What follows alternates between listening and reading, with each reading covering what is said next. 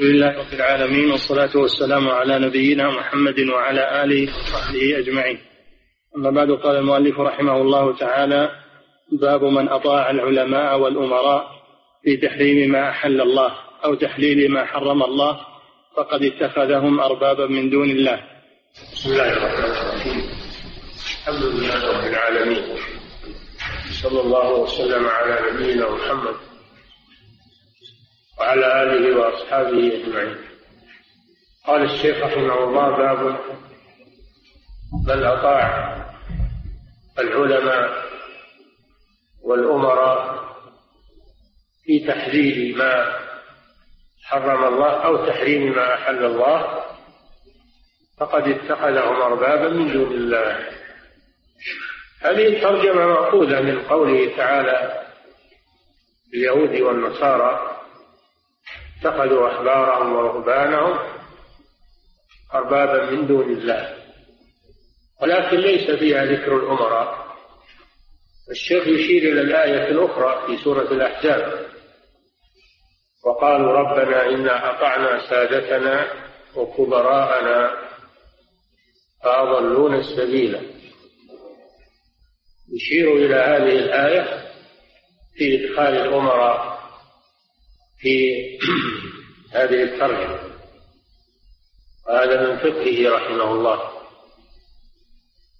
الأصل وجوب طاعة أولي الأمر في غير معصية الله. قال تعالى يا أيها الذين آمنوا أطيعوا الله وأطيعوا الرسول وأولي الأمر منكم.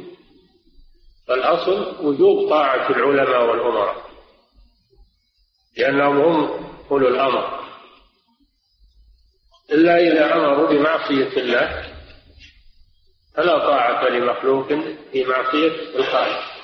كما قال صلى الله عليه وسلم لا طاعة لمخلوق في معصية الخالق. هذا يشمل الأمراء والعلماء ويشمل كل أحد. وقال عليه الصلاة والسلام إنما الطاعة بالمعروف. والأحبار جمع حبر أو حبر وهو العالم من اليهود. ويشمل العلماء من غيرهم. والرهبان جمع راهب وهو العابد من النصارى العباد. وذلك لأن الناس في الغالب يطيعون هذين الصنفين. العالم لعلمه والعابد لعبادته والثقة به. لذلك يقع منهم في طاعة هؤلاء المحذور في بعض الأحيان. قوله فقد اتخذهم أربابا أي معبودين. من دون الله عز وجل فدل على أن هذا شرك.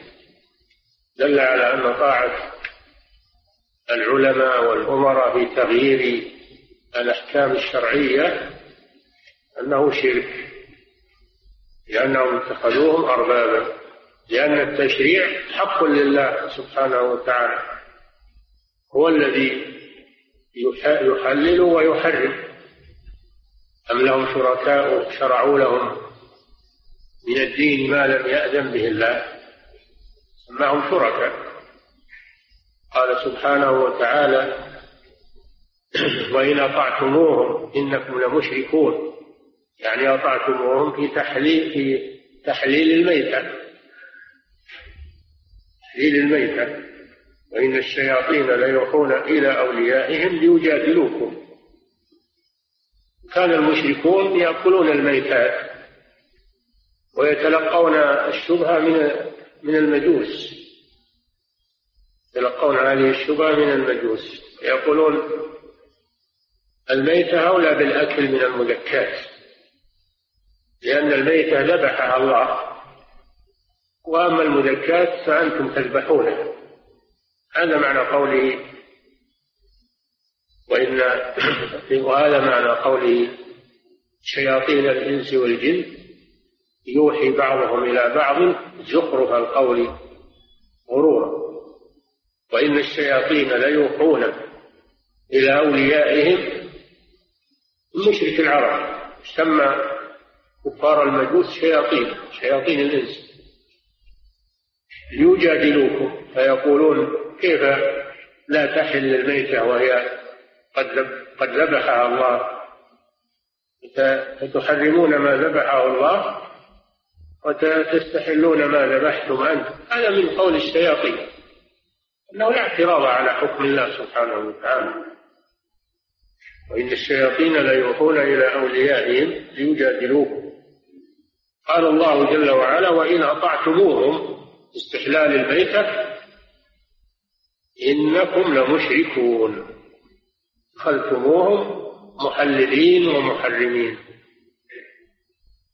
هذا هو الشرك. شرك في الطاعة. وإن أطعتموه هذا شرك في الطاعة. يسميه العلماء شرك الطاعة. وهو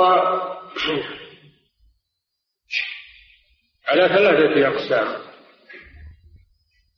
إن كان الذي أطاعهم في تحليل الحرام تحليل تحليل في تحريم الحلال وتحريم في تحليل الحرام وتحريم الحلال إن كان يعلم أنهم إن كان يعلم أنهم قد حللوا وحرموا من عند أنفسهم ووافقهم على ذلك فهذا شرك أكبر. إذا كان يعلم أنهم خالفوا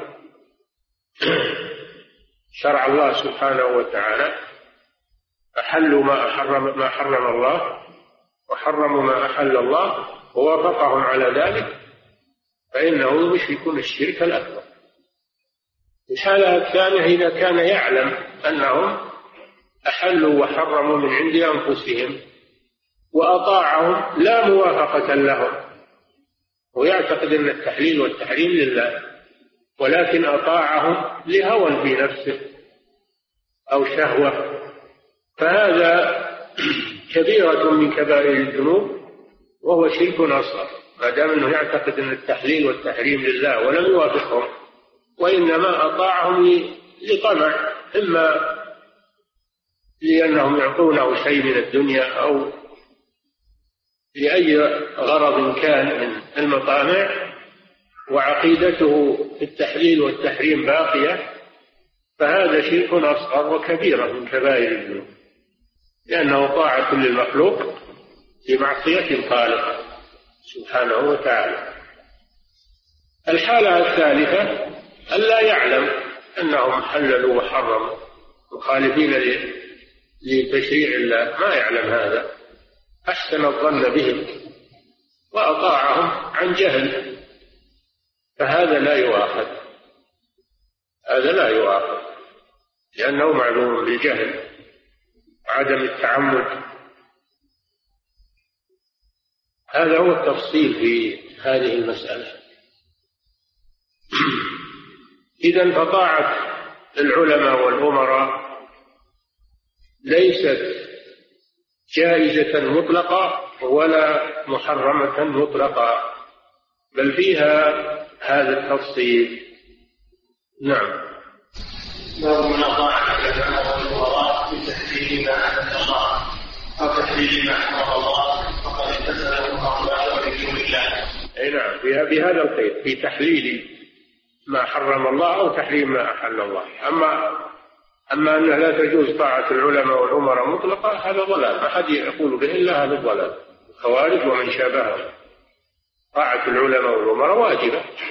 بالمعروف. قال تعالى يا أيها الذين آمنوا أطيعوا الله وأطيعوا الرسول وأولي الأمر منكم. طاعتهم واجبة. ما لم يأمروا بمعصية الله عز وجل. نعم. وقال ابن عباس رضي الله عنهما يوشك أن تنزل عليكم حجارة من السماء. أقول قال رسول الله صلى الله عليه وسلم فتقولون قال أبو بكر وعمر. نعم. كلام ابن عباس رضي الله تعالى عنه هذا قاله بمناسبة أن أبا بكر وعمر رضي الله تعالى عنهما لا يريان فسخ الحج إلى العمرة الذي أمر به النبي صلى الله عليه وسلم.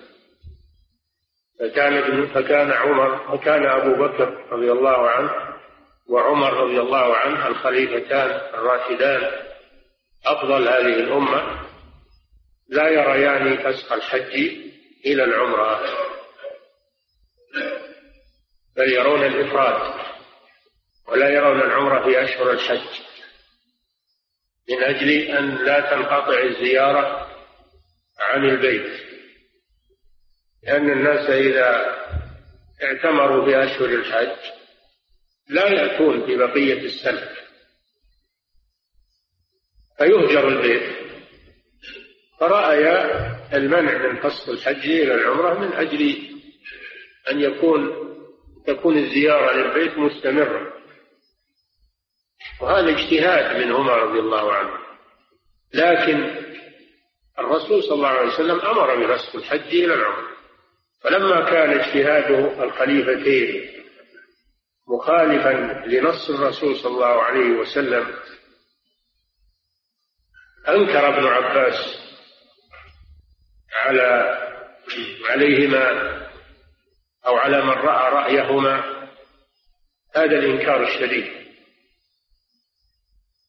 فقال أقول قال رسول الله لأن يعني رسول الله أمر بفسخ الحج للعمر لأنهم لما طافوا بالبيت حجة الوداع أمر من ليس معه الهدي من لم يسق معه الهدي أن يفسخ الحج إلى عمرة ويكون متمتعا. وأما من ساق الهدي فيبقى على إحرامه إلى أن يذبح هديه. وكان رسول الله صلى الله عليه وسلم ممن ساق الهدي فبقي على إحرامه قارنا. وتأسف عليه الصلاة والسلام وقال لو استقبلت من أمري ما استدبرت لما سقت الهدي ولا أحللت معه. دل هذا على أن فسخ الحج إلى العمرة في أشهر الحج أنه أفضل لمن لم يسق الهدي. هذه سنة الرسول صلى الله عليه وسلم. وهذا وجه إنكار ابن عباس رضي الله عنه. فإذا كان من ترك السنة وأخذ برأي الخليفتين الراشدين يوشك أن تنزل عليه حجارة من السماء. فكيف بمن ترك السنة لرأي من هو دون أبي بكر وعمر؟ الأمر واجب. فسخ الحج إلى العمرة اختلف العلماء فيه. هل هو واجب أو هو مستحب أو هو خاص بالصحابة فقط الذين مع الرسول صلى الله عليه وسلم وليس عاما؟ مسألة فيها خلاف ذكره ابن القيم رحمه الله في زاد المعاد مفصلا وكأنه يميل رحمه الله إلى الوجوب والجمهور يرون أنه مستحب وليس بواجب. فوجه الشاهد من هذا أن من أطاع أبا بكر وعمر في مخالفة سنة الرسول فإنه متوعد يوشك أن تنزل عليه حجارة من السماء كما نزلت على الأمم السابقة لما خالفوا أمر الله. هذا يدل على أن الأمر عظيم وعلى أنه لا تجوز طاعة العلماء والأمراء إذا خالفوا كتاب الله أو سنة رسوله ولو كانوا مجتهدين. ولو كانوا مجتهدين المسألة في مسألة اجتهاد فكيف بالذي يطيعهم وهم يطيع من ليسوا مجتهدين بل متعمدين في المخالفة؟ للأمراء والعلماء المتعمدون للمخالفة ويطيعهم. هذا كما ذكرنا شرك أكبر كفر بالله عز وجل. وهذا عليه اليهود والنصارى الذين لعنهم الله عز وجل. اتخذوا أحبارهم ورهبانهم أربابا من دون الله. والمسيح ابن مريم غلوا فيه عليه الصلاة والسلام حتى قالوا هو هو الله أو هو ابن الله أو ثالث ثلاثة. تعالى الله عما يقولون. وما أمروا إلا ليعبدوا إلها واحدا. لا إله إلا هو سبحانه. عما يشركون سمى هذا شركا. سمى اتخاذ الأحبار والرهبان أربابا من دون الله سماه شركا. وكيف اتخذوهم؟ سيأتي تفسير الآية. سيأتي تفسير الآية في حديث عدي بن حاتم رضي الله عنه. نعم.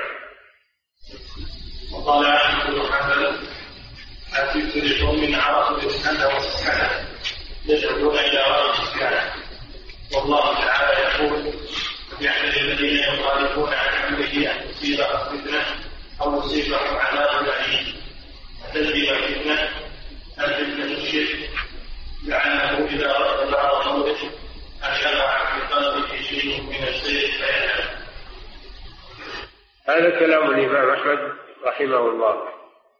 بعد كلام ابن عباس. والإمام أحمد هو الإمام أحمد بن حنبل الشيباني. الإمام المحدث المشهور الفقيه أحد الأئمة الأربعة. أحد الأئمة الأربعة. أصحاب المذاهب المعروفة الآن. الذي صبر في المحنة وثبت على الحق وصبر على العذاب والسجن والضرب ولم يتحول عن الحق. هذا هو الإمام أحمد بن حنبل رحمه الله. قال عجبت هذا إنكار هذا استنكار منه. عجبت لقوم عرفوا الإسناد يعني علماء عرفوا الإسناد والإسناد هو طريق الحديث الوارد عن الرسول صلى الله عليه وسلم. هو السلسلة هو السلسلة المتصلة بالرجال إلى الرسول صلى الله عليه وسلم. رواة الحديث. هذا هو السند فإذا كان الرجال الذين في السند كلهم ثقات وكلهم متقنون للحفظ وسلم الحديث من الشذوذ والعلة فهو حديث صحيح. فالحديث الصحيح هو ما رواه عدل عدل عن مثله. من بداية السند إلى نهايته مع السلامة من الشذوذ والعلل. هذا هو الحديث الصحيح. مسلسل بالثقات وإن فقد شرطا من هذه الشروط فإنه لا يكون صحيحا إما أن يكون حسنا وإما أن يكون ضعيفا وإما أن يكون موضوعا. ودراسة الأسانيد والعناية بها أمر واجب على العلماء. لحفظ سنة رسول الله صلى الله عليه وسلم من التخيل وبيان ما فيها من الصحيح وغير الصحيح. هذا أمر واجب وقام به الأئمة خير قيام. جزاهم الله عن الإسلام والمسلمين خيرا. يقول عبد الله بن المبارك رحمه الله لولا الإسناد لقال كل ما يشاء. الإسناد هو اللي هو اللي يميز الصحيح من غير الصحيح المنسوب إلى رسول الله صلى الله عليه وسلم. فإذا قلت قال رسول الله أو قال أحد قال رسول الله قلنا هات السند. هات السند نشوف هل قال رسول الله صحيح حقا أو لم يقل. أما مجرد أنك تنسب إلى الرسول شيئا ولم تذكر السند هذا لا يجوز. لا يجوز إلا إذا تأكدت أن الحديث صحيح أو حسن حسن لذاته أو حسن لغيره. أما إذا كان ضعيفا فلا تقل قال رسول الله قل يروى عن رسول الله أو جاء عن رسول الله بدون جزم بدون جزم. أما أن تقول قال رسول الله هذا جزم تحتاج إلى الصحة. عرفوا الإسناد وصحته. وصحته. يعني فالإسناد إذا لم يكن صحيحا لا ينسب إلى الرسول صلى الله عليه وسلم. عرفوا الإسناد وصحته. وكانوا في الأول ينقسم الحديث عندهم إلى صحيح وضعيف. ما في ما في قسم ثالث وهو الحسن. كان السابقون من الأئمة عندهم الحديث ينقسم إلى صحيح أو ضعيف. ويدخلوا يدخلون الحسن في الصحيح.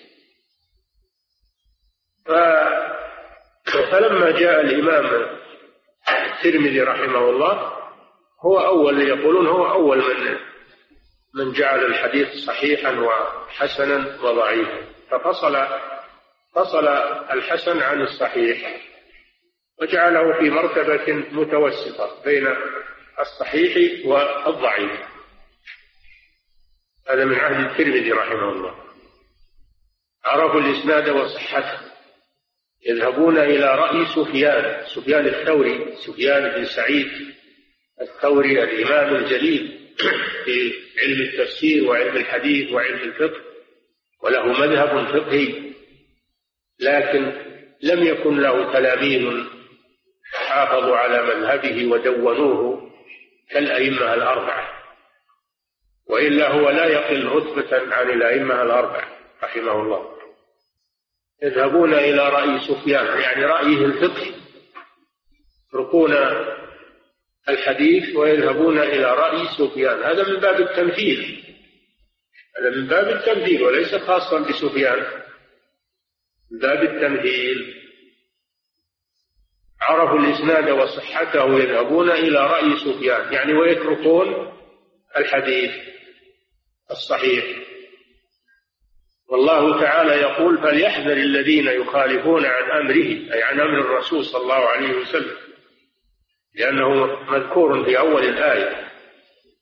لا تجعلوا دعاء الرسول بينكم كدعاء بعضكم بعضا. قد يعلم الله الذين يتسللون منكم لواذا فليحذر الذين يخالفون عن أمره أي أمر الرسول صلى الله عليه وسلم. أن تصيبهم فتنة أو يصيبهم عذاب أليم.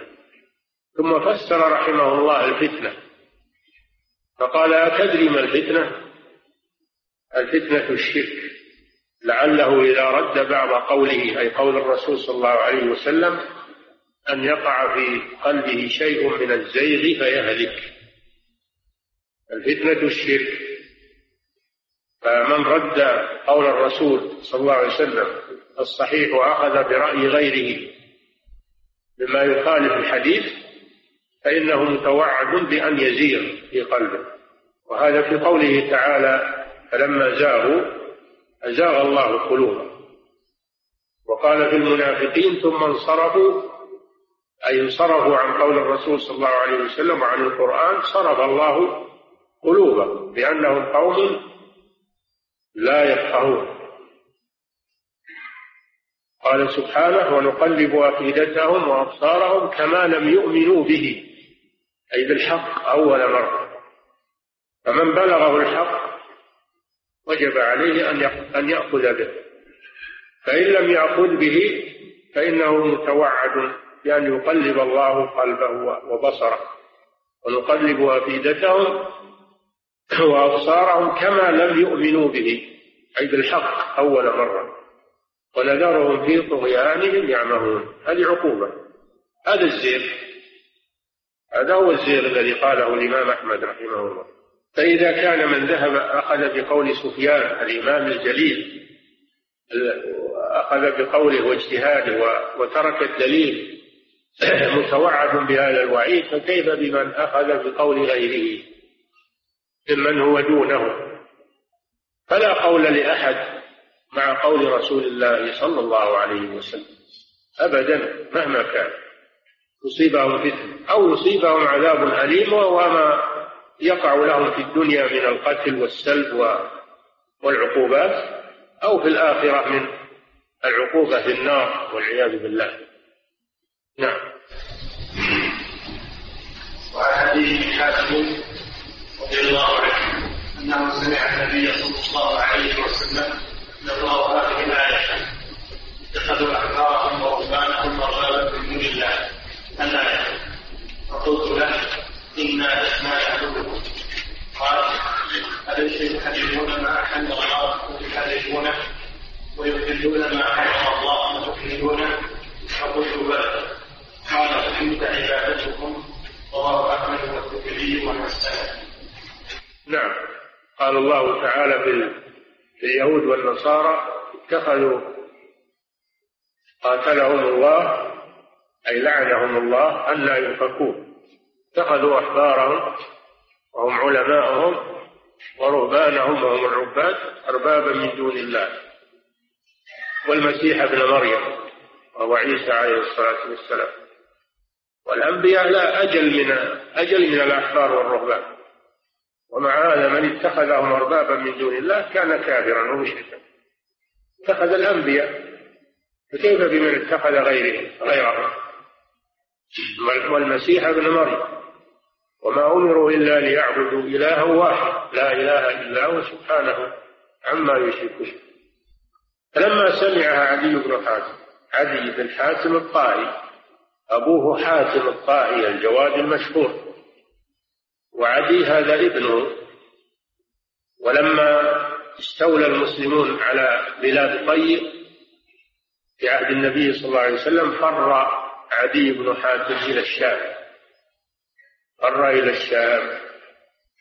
وأخذت أخته في الأسر مع السبي. فلما قدموا على المدينة عرضت حالها على النبي صلى الله عليه وسلم. فالنبي صلى الله عليه وسلم أكرمها واعتقها فأسلمت وحسن إسلامها. فكتبت إلى أخيها. تستقدمه إلى الرسول صلى الله عليه وسلم. تخبره بأن الرسول صلى الله عليه وسلم كريم. وأنه عفى عنها. وأنه لو جاء إليه لأكرمه. فجاء عدي بن حاتم ودخل على الرسول صلى الله عليه وسلم استقبله وأكرمه فأعلن إسلامه. وحسن إسلامه رضي الله عنه وصار من قواد الجيوش في سبيل الله فطال عمره في طاعة الله عز وجل. هذا عدي بن حاتم. رضي الله عنه. فلما سمع النبي صلى الله عليه وسلم يقرأ هذه الآية وهي في اليهود والنصارى قال يا رسول الله إنا لسنا نعبدك هو فهم أن العبادة هي الركوع والسجود والدعاء فقط ولم يعلم أن العبادة تشمل الطاعة تشمل العبادة أنواع كثيرة. كما قال الشيخ تقي الدين رحمه الله العبادة اسم جامع لكل ما يحبه الله ويرضاه من الأعمال والأقوال الظاهرة والباطنة. ليست مقصورة على الركوع والسجود والدعاء غير ذلك. قال لسنا نعبدهم أي لسنا نركع لهم ونسجد لهم. قال أليسوا يحلون ما حرم الله؟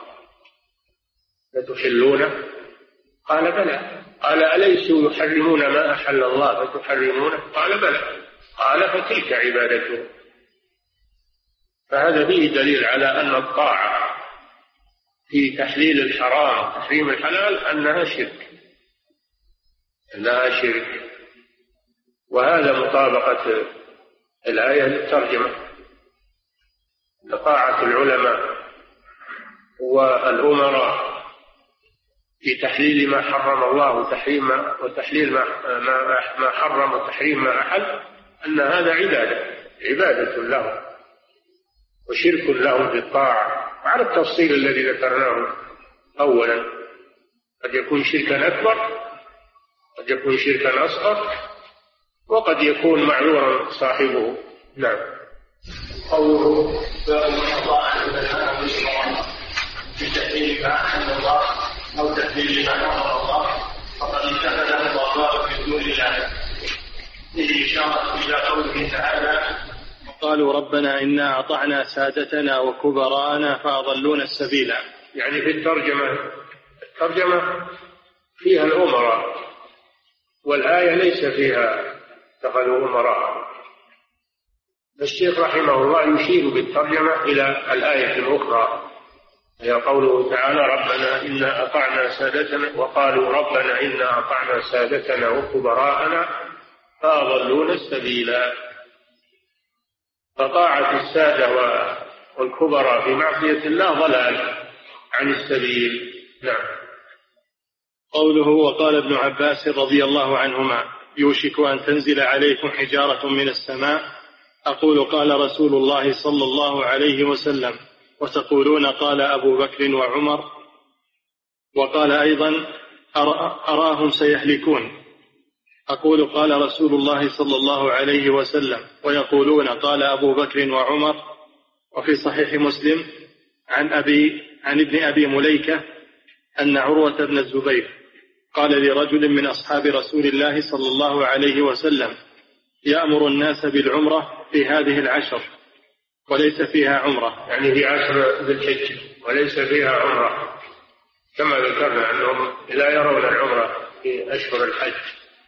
من أجل أن لا يهجر البيت. نعم. فقال عروة فإن أبا بكر وعمر لم يفعلا ذلك. فقال الرجل من ها هنا هلكتم.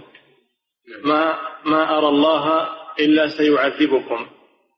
أحدثكم عن رسول الله صلى الله عليه وسلم وتخبروني بأبي بكر وعمر. قال الإمام الشافعي رحمة الله عليه أجمع العلماء على أن من استبانت له سنة رسول الله صلى الله عليه وسلم لم يكن له أن يدعها لقول أحد. نعم هذه كلمة الإمام الشافعي. أجمع العلماء هذا إجماع والإجماع حجة قاطعة. أجمع العلماء على على أن من استبانت يعني اتضحت له سنة رسول الله صلى الله عليه وسلم لم يكن له أن يدعها يعني يتركها لقول أحد. أحد كائنا من كان. لأن طاعة الرسول صلى الله عليه وسلم بعد طاعة الله واجب. وإنما تأتي طاعة العلماء إذا لم تخالف طاعة الله وطاعة رسوله مشروطة بهذا فهذا هذه كلمة الإمام الشافعي محمد بن إدريس الشافعي الإمام الجليل أحد الأئمة الأربعة يحكي الإجماع على أنه لا يجوز مخالفة سنة الرسول لقول أحد كائنا من كان.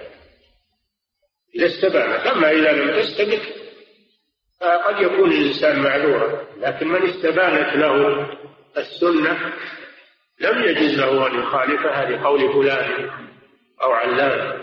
نعم. وقال الإمام مالك رحمه الله تعالى ما منا إلا راد ومردود عليه إلا صاحب هذا القبر صلى الله عليه وسلم. قال الإمام مالك بن أنس أيضا أحد الأئمة الأربعة يقول هذه الكلمة ما منا معاشر العلماء إلا راد ومردود عليه. راد على غيره ومردود عليه من غيره إلا صاحب هذا القبر يعني الرسول صلى الله عليه وسلم. لأنه قال هذا في مسجد الرسول صلى الله عليه وسلم. نعم.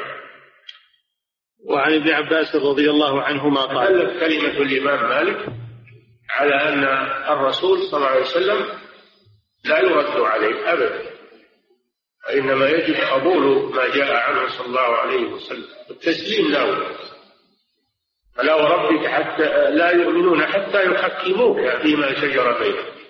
ثم لا يجدوا بأنفسهم حرجا مما قضيت ويسلموا تسليما. الرسول لا يرد عليه لأنه عليه الصلاة والسلام لا ينطق عن الهوى. إن هو إلا وحي يوحى ولا يعارض حديثه. صلى الله عليه وسلم بالآراء والأفكار. لا يعارض. كلنا راد أما العلماء أما العلماء فيجوز الرد عليهم إذا أخطأوا. وإن كانوا في كبار الشام إذا أخطأوا يجوز الرد عليهم. وهم يفرحون بذلك أنهم لا ينتصرون لأنفسهم وإنما ينتصرون للحق. فإذا رد عليهم أحد ونبههم على الخطأ فإنهم يفرحون بذلك ولا يجدون بأنفسهم حرجا. أما إذا الذي إذا رد عليه يغضب ويزعم هذا دليل على أنه يعظم نفسه ولا يعظم السنة وإنما يعظم نفسه. نسأل الله العافية. نعم.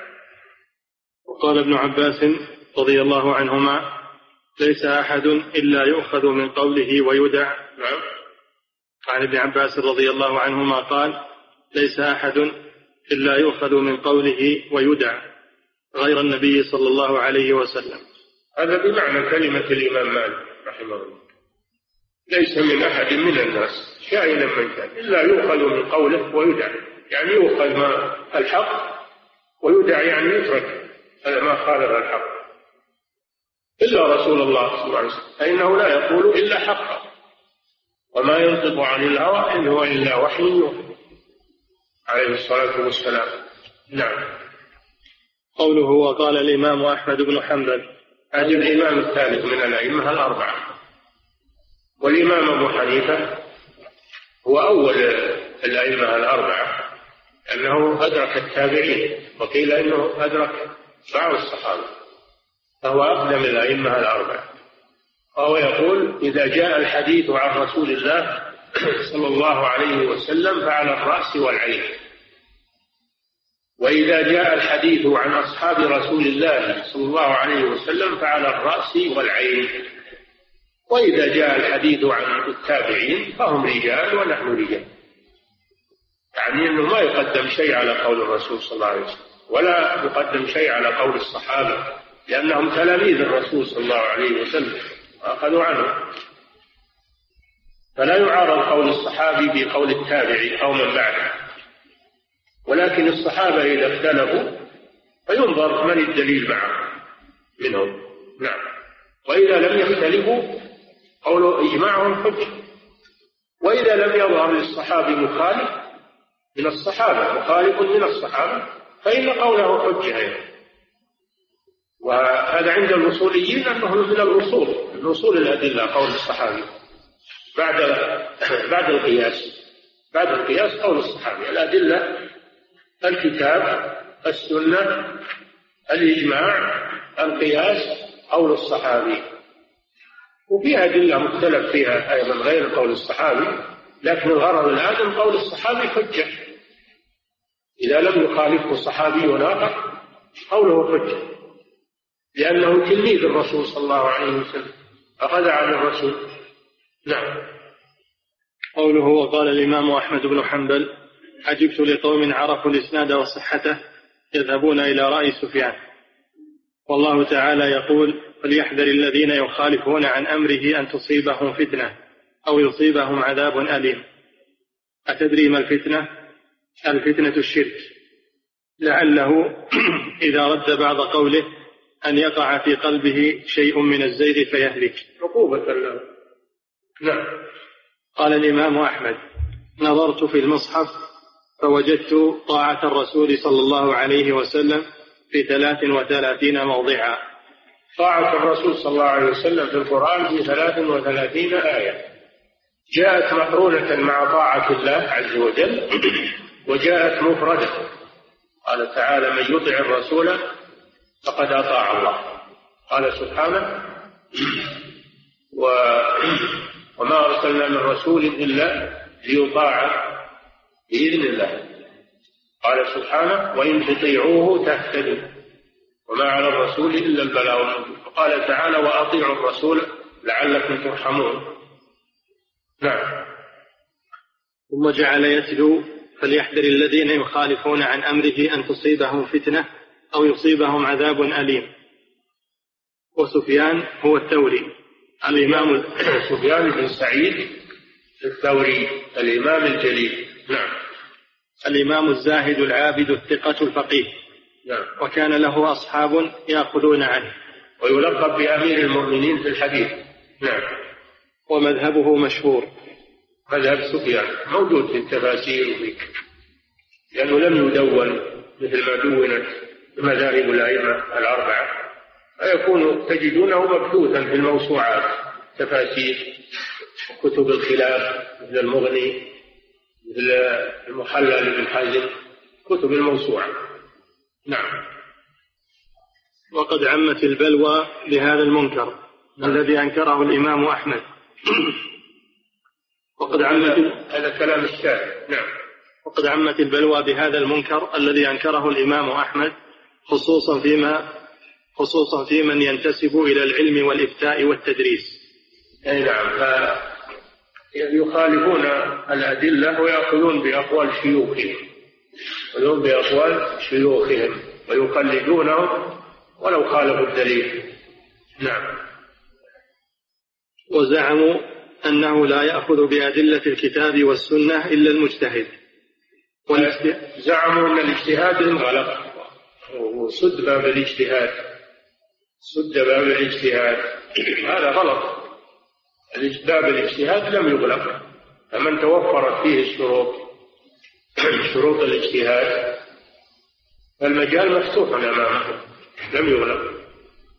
وشروط الاجتهاد أن يكون عالما بكتاب الله وبسنة رسول الله صلى الله عليه وسلم وأن يكون عالما باللغة العربية التي نزل بها القرآن والسنة وأن يكون عالما بالناسخ والمنسوخ والمطلق والمقيد والعام والخاص والمجمل والمفصل. يكون عالما بهذه الأمور. إذا توفرت فيه هذه الشروط فهو إمام مجتهد. يجتهد ولم يغلق الاجتهاد أمامه. نعم. وزعموا أنه لا يأخذ بأدلة الكتاب والسنة إلا المجتهد والاجتهاد قد انقطع. وقد أخطأوا في ذلك. أخطأوا في ذلك لأن لأنه يجب الأخذ بالدليل. من تبين له الدليل أخذ به. بشرط أن يكون عالما بالأدلة وعالما بالناسخ والمنسوخ والمطلق والمقيد والخاص إلى آخره. لئلا يأخذ بدليل منسوخ. أو يأخذ بدليل عام وهناك هناك خاص. أو يأخذ بدليل مطلق وهناك مقيد. هذا المقام هو سهل. هو سهل. الإنسان إذا شاف حديث ولا أخذ به وهو ما يدري هل هو منسوخ ولا لازم يكون على علم بهذه الأبواب. نعم. وقد استدل الإمام أحمد رحمه الله بقوله صلى الله عليه وسلم لا تزال طائفة من أمتي على الحق منصورة. لا يضرهم من خذلهم ولا من خالفهم حتى يأتي أمر الله وهم على ذلك على أن الاجتهاد لا ينقطع. لا تزال طائفة من أمتي على الحق حتى يأتي أمر الله يعني آخر الزمن فدل على أن الاجتهاد لا يغلق لأنهم ما يكون ما تكون منصورة ولا محمية إلا إذا تمسكت بالدليل. يدل على أن الاجتهاد يبقى وأن الله يقيض في كل زمان أو في كل جيل من الأئمة من يجدد هذا نعم. وحكى ابن عبد البر الإجماع على أن المقلد لا يكون من أهل العلم. اللي ما يعرف الأدلة وإنما يأخذ أقوال العلماء فقط هذا ليس من أهل العلم هذا مقلد إنما يكون من أهل العلم من يعرف القول والدليل يعرف القول بدليله يعرف الراجح والمرجوح. هذا هو الذي يعد من أهل العلم. أما اللي بس يقول قال فلان وقال فلان ولا يدري عن أدلتهم ولا يدري عن الراجح من المرجوح هذا ما يعتبر عالم هذا يعتبر مقلدا. نعم. والأئمة لم يقصروا في البيان بل نهوا عن تقليدهم إذا استبانت السنة. نعم. قال أبو حنيفة إذا جاء الحديث عن رسول الله صلى الله عليه وسلم فعلى الرأس والعين. نعم. وإذا جاء عن الصحابة رضي الله عنهم فعلى الرأس والعين. وإذا جاء عن التابعين فنحن رجال وهم رجال. لا يعني هم علماء ونحن ونحن علماء. وهذه العبارة يأخذها بعض الجهال الآن ويقول إذا قيل له أنت أخطأت في كلامك هذا يقول لا هم رجال ونحن رجال. نعم أنت رجل بمعنى أنك ذكر وهم ذكور لكن بمعنى أنك عالم وهم علماء لا. أنت ما أنت برجل بمعنى أنك عالم. كلمة الإمام آه، أبي حنيفة قالها لأنه إمام وعارف ومتأهل ولا يريد بذلك أن كل له المجال أن ينازع العلماء وينازع الأئمة ويقول نحن رجال وهم رجال. نعم. فقال إذا قلت قولا وكتاب الله يخالفه فاتركوا قولي لكتاب الله تعالى. نعم هذا هذا وصية الإمام أبي حنيفة أول الفقهاء الأربعة. نعم. قيل إذا كان قول رسول الله صلى الله عليه وسلم يخالفه قال اتركوا قولي لخبر رسول الله صلى الله عليه وسلم. نعم. قيل إذا كان قول الصحابة يخالفه قال اتركوا قولي لقول الصحابة. نعم. وقد تقدم قول الإمامين مالك والشافعي. نعم. فعلى من اشتغل بمصنفات أهل مذهبه. هذه أقوال الأئمة الأربعة. الإمام أبو حنيفة والإمام مالك والإمام الشافعي والإمام أحمد هذه أقوالهم يتبرؤون من التقليد الأعمى. ولا يرضون أن أحد يقلدهم تقليدا أعمى بل إنما يأخذ ما قام عليه الدليل منهم ومن غيرهم. فعلى من اشتغل بمصنفات أهل مذهبه أن ينظر في أقوال المخالفين وما استدلوا به. فيكون متبعا للدليل مع من كان معه وبالله التوفيق. نعم لا حرج على الحنبلي إذا كان الدليل مع الشافعي أن يأخذ بقول الشافعي أو الحنفي أو المالكي ولا يمنع هذا أنه حنبلي وكذلك العكس الشافعي إذا رأى الدليل مع الحنبلي يأخذ بالدليل. ولا ينقص هذا من كون الشافعي. لأن لأن إمامه يأمره بهذا. إمام الشافعي أو أحمد بن حنبل أو مالك أو أبو حنيفة كلهم يأمرون بهذا. يقولون إذا اتضح لكم الدليل مع غيرنا فخذوا بالدليل واتركوا قولنا. فهذا الذي يقلد الإمام على غير بصيرة هذا مخالف للإمام. ويزعم أنه موافق للإمام وهو مخالف للإمام. لكن مدارك الناس تختلف. الاجتهاد ليس ممنوعا مطلقا ولا جا ولا جائزا مطلقا وإنما فيه تفصيل. الذي توفرت فيه شروط المجتهد المطلق هذا يجب عليه الاجتهاد ولا يقلد غيره. يجب عليه الاجتهاد ولا يقلد غيره. كالأئمة الأربعة. وأما الذي يقلد أحد المذاهب فهذا يجب عليه إذا كان يعرف الدليل أن يأخذ ما ترجح. وهذا يسمى مجتهد مذهب. مجتهد مذهب. الأول مجتهد مطلق.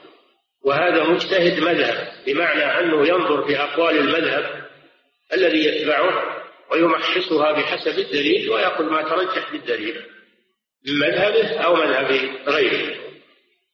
هذا مجتهد المذهب. ما هو مجتهد مطلق يسمى مجتهد مذهب. والثالث الذي لا يعرف الترجيح الذي لا يعرف الترجيح هذا يسمى المقلد. يأخذ بقول إمامه ما لم يتبين له أنه مخالف للدليل. والرابع العامي والمبتدئ. هذا يجب عليه السؤال. قال تعالى فاسألوا أهل الذكر إن كنتم لا تعلمون. فيسأل من يثق بعلمه ودينه ويأخذ بقوله. نعم. قوله عن عدي بن حاتم رضي الله عنه أنه سمع النبي صلى الله عليه وسلم يقرأ هذه الآية. يعني قول الشارح هنا تقرأ العبارة. فعلى من اشتغل بمصنفات أهل مذهبه. نعم. أن ينظر في أقوال المخالفين وما استدلوا به. نعم. فيكون متبعا للدليل. مع من كان معه وبالله التوفيق. إذا وجد خلافا في المذهب فإنه يأخذ من أقوال المذهب ما ترجح بالدليل. وإذا وجد خلافا بين المذهب وبين مذهب آخر فإنه يأخذ ما ترجح بالدليل ولو كان من المذهب الآخر. وهذا هو الذي عليه الشيخ الإمام المصنف محمد بن عبد الوهاب رحمه الله. فإنه يأخذ ما ترجح بالدليل. ولا يقلد تقليدا أعمى وسار على هذا المنهج أئمة هذه الدعوة ولله الحمد. أنهم يأخذون ما ترجح بالدليل من مذهبهم ومن مذهب غيرهم. كما صرح بذلك الإمام عبد الله بن محمد بن عبد الوهاب في رسالته لما دخلوا الحجاز. كتب رسالة وذكر هذا هذا هذه القاعدة العظيمة أننا نأخذ من أقوال الفقهاء ما قام عليه الدليل ولو كان مخالفا بمذهب إمامنا. هو الذي تبرأ به الذمة. نعم. قوله عن عدي بن حاتم رضي الله عنه أنه سمع النبي صلى الله عليه وسلم يقرأ هذه الآية اتخذوا أحبارهم ورهبانهم أربابا من دون الله والمسيح ابن مريم. الآية. فقلت إنا لسنا نعبدهم. قال أليس يحرمون ما أحل الله فتحرمونه؟ ويحلون ما حرم الله فتحلونه؟ فقلت بلى. قال فتلك عبادتهم. رواه أحمد والترمذي وحسنه. نعم. قوله عن عدي بن حاتم أي الطائي المشهور بالسخاء والكرم. يعني حاتم أبوه حاتم مشهور بالسخاء والكرم. نعم. قدم عدي على رسول الله. في الجاهلية. حاتم مات في الجاهلية. نعم. قدم عدي على رسول الله صلى الله عليه وسلم في شعبان سنة تسع من الهجرة فأسلم وعاش مئة, مئة وعشرين سنة. وقد أشار المصنف رحمه الله بترجمة الباب إلى هذا الحديث وما في معناه. وفيه دليل على أن طاعة الأحبار والرهبان في معصية الله عبادة لهم من دون الله. وفيه دليل على أن طاعة الأحبار والرهبان في معصية الله عبادة لهم من دون الله. قال شيخنا في المسائل. شيخنا يعني المؤلف لأن لأن الشيخ عبد الرحمن حفيد المصنف. ودرس عليه أدرك جده ودرس عليه بعض الدراسة نعم. قال شيخنا في المسائل فتغيرت الأحوال وآلت إلى هذه الغاية. فصار عند يعني تنازلوا حتى عن عن طاعة الأحبار والرهبان. تنازلوا حتى على ما فيها من الذنب تنازلوا عنها إلى أسفل منها. تنبهوا لكلمة الشرك نعم. فتغيرت الأحوال وآلت إلى هذه الغاية. نعم. فصار عند الأكثر عبادة الرهب عبادة الرهبان هي أفضل الأعمال ويسمونها الولاية. أي نعم. عبادة الرهبان العباد هي أفضل الأعمال. ولذلك إذا مات من يدعون له الولاية بنوا على قبره بنية وصاروا يعبدونه ويذبحون له وينذرون له. ما كفى أنهم يطيعونه يوم كان حي يطيعونه في معصية الله. وهذا وهذا شرك. ما كفاهم هذا. بل لما مات بنوا على قبره وغلوا فيه وصاروا يصرفون له العبادة والعياذ بالله. هذا أشد ممن قال الله فيهم اتخذوا أحبارهم ورهبانهم أربابا من دون الله. لأن ذلك في طاعتهم في تحليل الحرام تحريم الحلال. لكن الآن صاروا يعبدونهم يذبحون لهم ينذرون لهم يطوفون بقبورهم.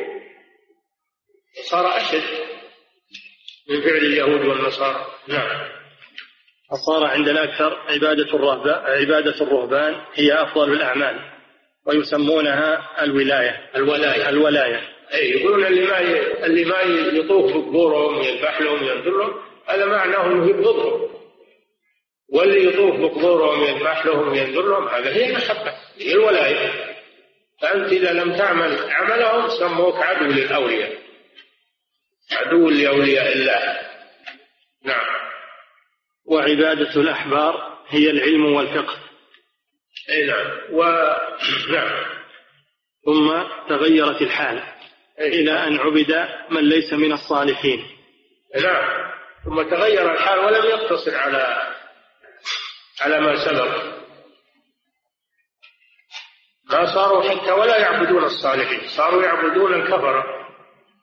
آه إذا كان إذا كان اللي يسمونه ولي لا يعمل بطاعة الله.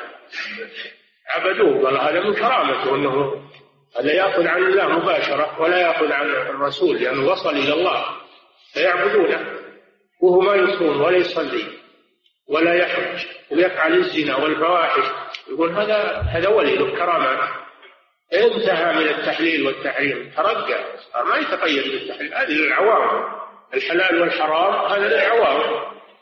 أما هو لما وصل إلى الله ما عاد يحتاج إلى التحليل والتحريم يفعل ما يشاء. آل بهم الأمر إلى هذا والعياذ بالله.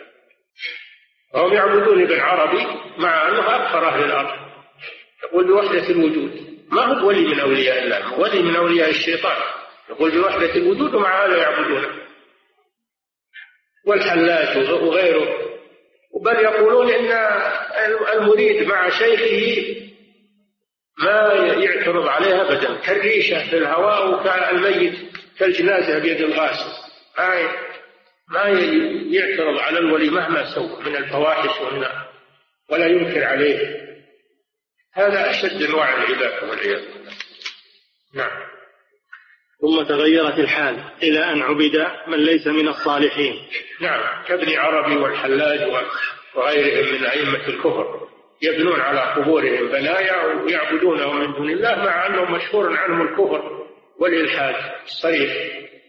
ويقولون لا هذا أولياء. تجاوزوا حد الأوامر والنواهي ووصلوا إلى حد الولاية لله عز وجل. نعم. وعبد بالمعنى الثاني من هو من الجاهلين. نعم ولم يقتصر الأمر على طاعة العلماء بل صاروا يطيعون الجهال. صاروا يطيعون الجهال. تنازلت الأمور. نعم. مع طاعة العلماء في معصية الله شرك لكن مع هذا لم يبقوا على هذا. بل صاروا يطيعون الجهال الذين ليس عندهم علم. فالآن إذا سمعوا فتوى من فلان وعلان أخذوها وفرحوا بها وهي تخالف صريح الكتاب والسنة وتخالف إجماع أهل العلم. يقول لا هذا مجتهد العصر وهذا إمام أهل العصر وهو جاهل مركب ما يعرف شيء. لو امتحنته في أدنى مسألة من مسائل العلم ما أفادك بشيء.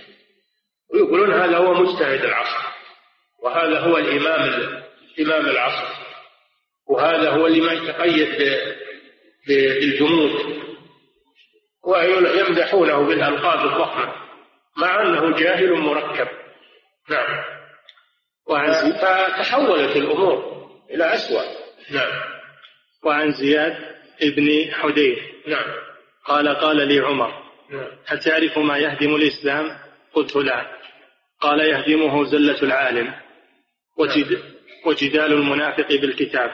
زلة العالم خطيرة جدا لأن الناس يقلدونه ومن هنا يجب على العلماء وطلبة العلم يجب عليهم الخوف من الله والتثبت. التثبت في الفتاوى والتثبت في التحليل والتحريم لأنهم إذا زلوا زل الناس بسببهم. نعم. يهدمه زلة العالم وجدال المنافق بالكتاب.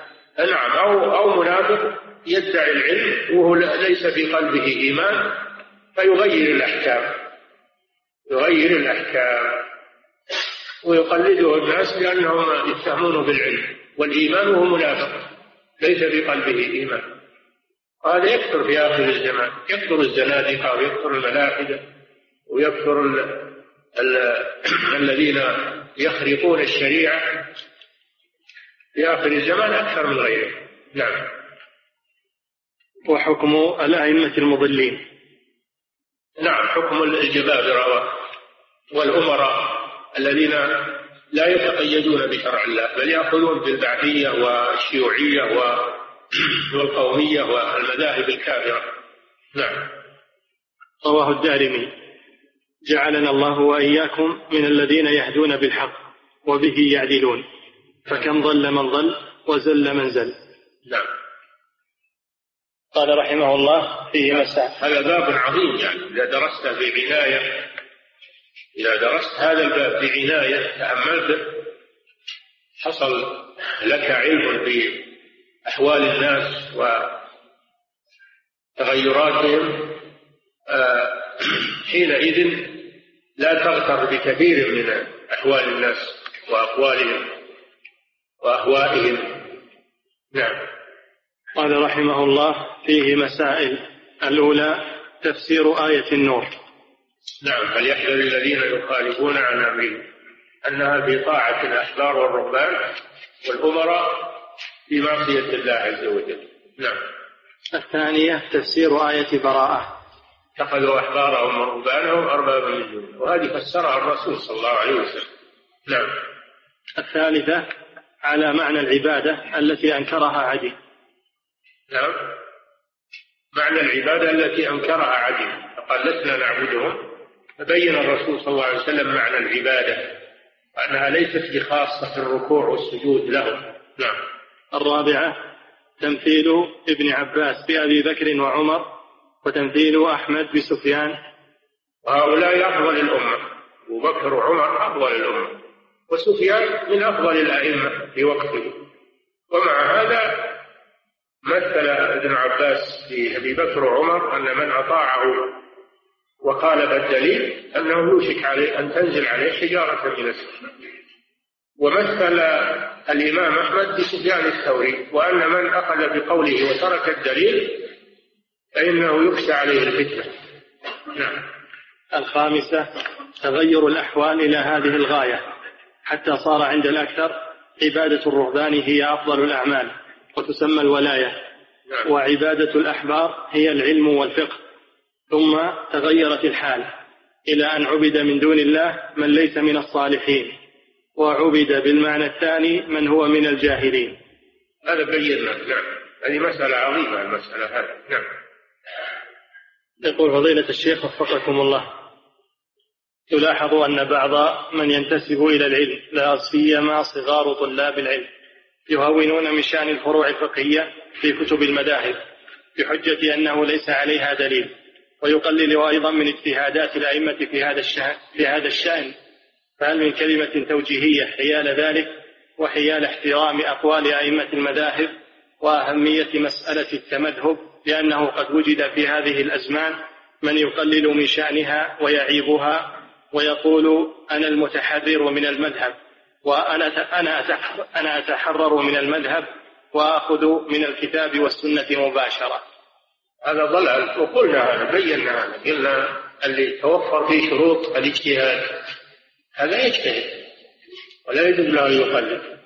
لكن هذا قل في هذا الزمان أو فقد لأنه كل ما تأخر الزمان يقل العلم كما قال صلى الله عليه وسلم إن الله لا يقبض هذا العلم انتزاعا من صدور الرجال وإنما يقبض العلم بموت العلماء.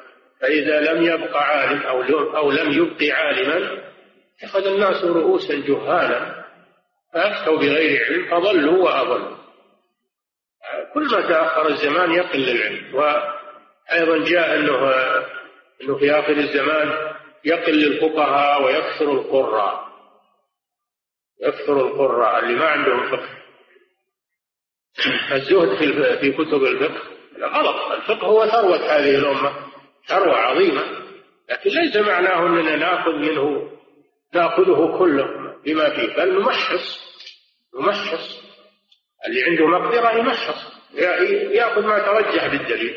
قلنا لكم الناس على ثلاثة أقسام إما مجتهد مطلق وإما مجتهد مذهب. أربعة أقسام إما مجتهد مطلق وإما مجتهد مذهب مرجح وإما مقلد وإما عامي أربعة أربعة أصناف وهذا الفقه ثروة عظيمة بيد العلماء يأخذون ويستعينون به على فهم الكتاب والسنة ويأخذون منها من فتاواه ومن أقوال الأئمة ما وافق الدليل يتركون ما خالف الدليل.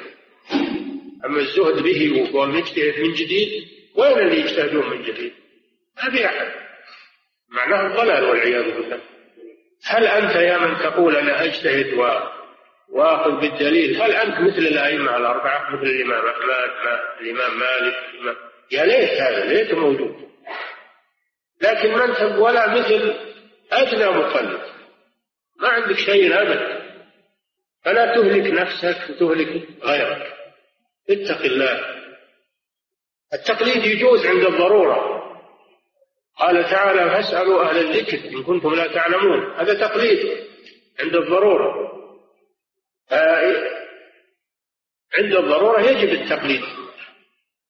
وعند الاستطاعة يحرم التقليد. عند الاستطاعة على الاجتهاد يحرم التقليد. وعند الضرورة يجب التقليد. التقليد ما هو محرم مطلقا ولا هو جائز مطلق في تفصيل؟ والفقه ما نقول لك خذه بما فيه. نقول لك محص وخذ ما قام عليه الدليل منه. لأنه أعرف منك بالاستدلال وأعرف منك بالاستنباط. ما أنت ما عندك شيء. إلا تعتمد على أقوالهم. تعتمد على أقوال الفقهاء وتنظر في أدلتها إن كان عندك استطاعة في الترجمة كان ما عندك استطاعة خذ منها ولا ولو ما عرفت دليل لأن هذه ضرورة. هذه ضرورة. يجب فهمها في الناس يحاربون المذاهب الآن. وين يروحون الناس؟ يضلون. الواحد كتب كتاب يقول إسلام بلا مذاهب. إسلام بلا مذاهب. إسلام بلا مذاهب. وين يروحون الناس؟ يروحون للجهال. هذه مشكلة عظيمة. نعم. يقول فضيلة الشيخ وفقكم الله. أحيانا نجد بعض طلاب العلم يستدركون على العلماء الكبار فيصححون حديثا ضعيفا ضعفه عالم من العلماء. فهل نترك قول هذا العالم الكبير ونأخذ بقول طالب العلم حتى لا نكون كما قال الإمام أحمد عجبت لقوم عرفوا الإسناد وصحته يذهبون لرأي سفيان. العلم هو يؤخذ من الكتب والأسطار والقراطيس. العلم يؤخذ عن الأئمة والعلماء. فإذا كان هذا الذي يصحح الحديث أو يضعف تتلمذ على الأئمة وعرف دراسة الأسانيد دراسة جيدة فلا مانع. أما إن كان أنه مجرد أنه يطالع في الكتب وينقل من هذا وينقل من هذا هذا هو المقلد. ولكن ينكر التقليد وهو مقلد أعمى ينقل ما في الكتب وهو ما يعرف الصحيح من اللي ما هو الصحيح هذا هو التقليد الأعمى. الحاصل إن أنه لا يجوز العبث بالأحاديث والأسانيد إلا للعلماء الذين الذين تلقوا علم الأسانيد عن العلماء وعن الأئمة. وأتقنوها وضبطوها أما مجرد واحد يحط عنده مكتبة من كتب الحديث يطالع هذا وهذا ويصحح ويضعف هذا هذا لا يجوز. هذا قول على الله بغير علم. نعم.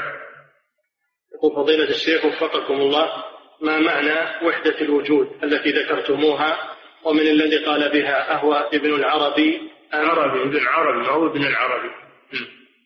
ابن عربي الطائي أما ابن العربي بالتعريف هذا إمام جليل من أئمة المالكية. أما ابن عربي هذا هو الملحد. وحدة الوجود أنه يرى أن الكون كله هو الله. ما فيه خالق ومخلوق. الكون كله هو الله. فمن عبد شيئا فقد عبد الله. جميع المشركين يعبدون الله. اللي يعبدون الأصنام؟ واللي يعبدون الأشجار والأحجار؟ يعبدون الله لأن الكون كله هو الله.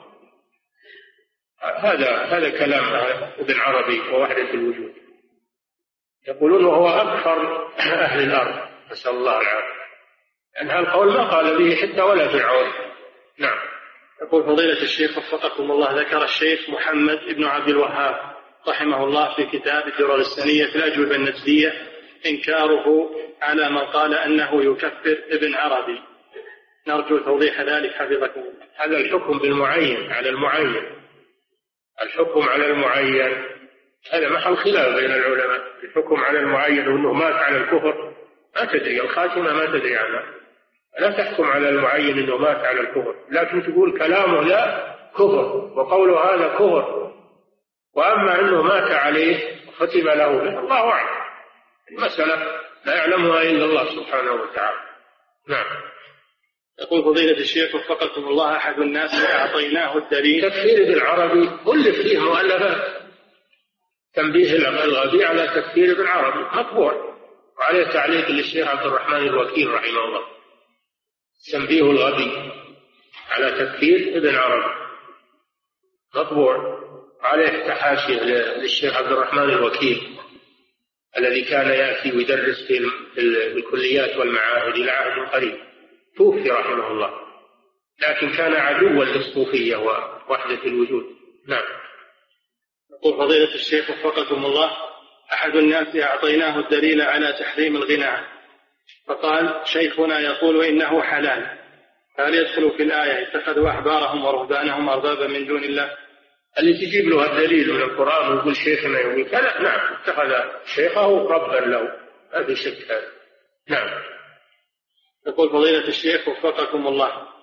إذا كان هناك فتوى ثم قلت قال الشيخ كذا وكذا في هذه المسألة. ثم جاءني آخر وقال قال الشيخ الآخر كذا وكذا. مخالف للشيخ. فماذا أفعل في هذه الحالة؟ شوف الدليل. منه معه. مع أي الشيخين تأخذ اللي معه الدليل. هذا هين هذا أمر سهل. شوف اللي معه الدليل. لا غرابة إن المشايخ يختلفون لكن الحمد لله الله جعل لنا ضابط وهو الدليل. قال تعالى فإن تنازعتم في شيء فردوه إلى الله والرسول إن كنتم تؤمنون بالله واليوم الآخر. الله لم يتركنا لقول فلان أو قول فلان بل وضع لنا ميزانا وهو القرآن والسنة. نعم. يقول فضيلة الشيخ وفقكم الله أنا مدير في أحد الدوائر الحكومية وقد وردنا تعميم بوجوب تعليق صور ولاة الأمر في هذه البلاد في المكتب. فهل يجوز هذا وهل أطيع هذا المسؤول في تحليل ما حرم الله؟ عليك أنك تكتب ل... تكتب للمفتي ويعرض على اللجنة الدائمة وإن شاء الله يأتي الجواب. نعم. يقول فضيلة الشيخ وفقكم الله أحيانا يقال في مسألة في مسألة ما الدليل على ذلك الإجماع والكتاب والسنة. نعم. لماذا يقدم الإجماع؟ وهل الإجماع أقوى من الكتاب والسنة؟ لا غلط. دليل على ذلك الكتاب والسنة والإجماع. ما أحد يقدم الإجماع على الكتاب والسنة. نعم. يقول فضيلة الشيخ وفقكم الله إذا تبين للشخص الدليل لكنه خالفه إلى قول مذهبه هل يدخل هذا الشخص في شرك الطاعة الذي بينتموه قبل قليل أنه ثلاثة أقسام؟ أي نعم إن كان أنه أخذ أخذ قول الفقيه وهو يعلم يعلم أنه مخالف للدليل ولكن أخذه لأنه يوافق هواه أو يوافق شهوته أو رغبته هذا كبيرة من كبائر الذنوب. هو هو شرك أصغر. أما إذا كان أما إذا كان يعلم أنه مخالف للدليل ووافق على هذا وأخذه وهو يعلم أنه خلاف الدليل ويرى واستباح هذا الشيء استباح مخالفة الدليل هذا شرك أكبر. إذا استباح مخالفة الدليل هذا شرك أكبر. أما إذا أخذه ولم يستبحه ولكن أخذه لأنه يوافق هواه ويوافق رغبته ويعتقد أنه لا يجوز هذا الشيء فهذا شرك أصغر. نعم. يقول فضيلة الشيخ وفقكم الله الذين يقومون بتحكيم القوانين الوضعية من المسلمين هل يدخلون في قوله تعالى اتخذوا أحبارهم ورهبانهم أربابا من دون الله؟ لا يخرجون عن هذا لكن قد يكون كفرا أكبر وقد يكون كفرا أصغر وهذا مفصل في كلام أهل العلم. ولهم لا يخرجون عن الآية. لا يخرجون عن الآية. نعم. يقول فضيلة الشيخ وفقكم الله هل يدخل في الآية من ارتكب بعض الكبائر مثل حلق اللحية وإسبال الثياب؟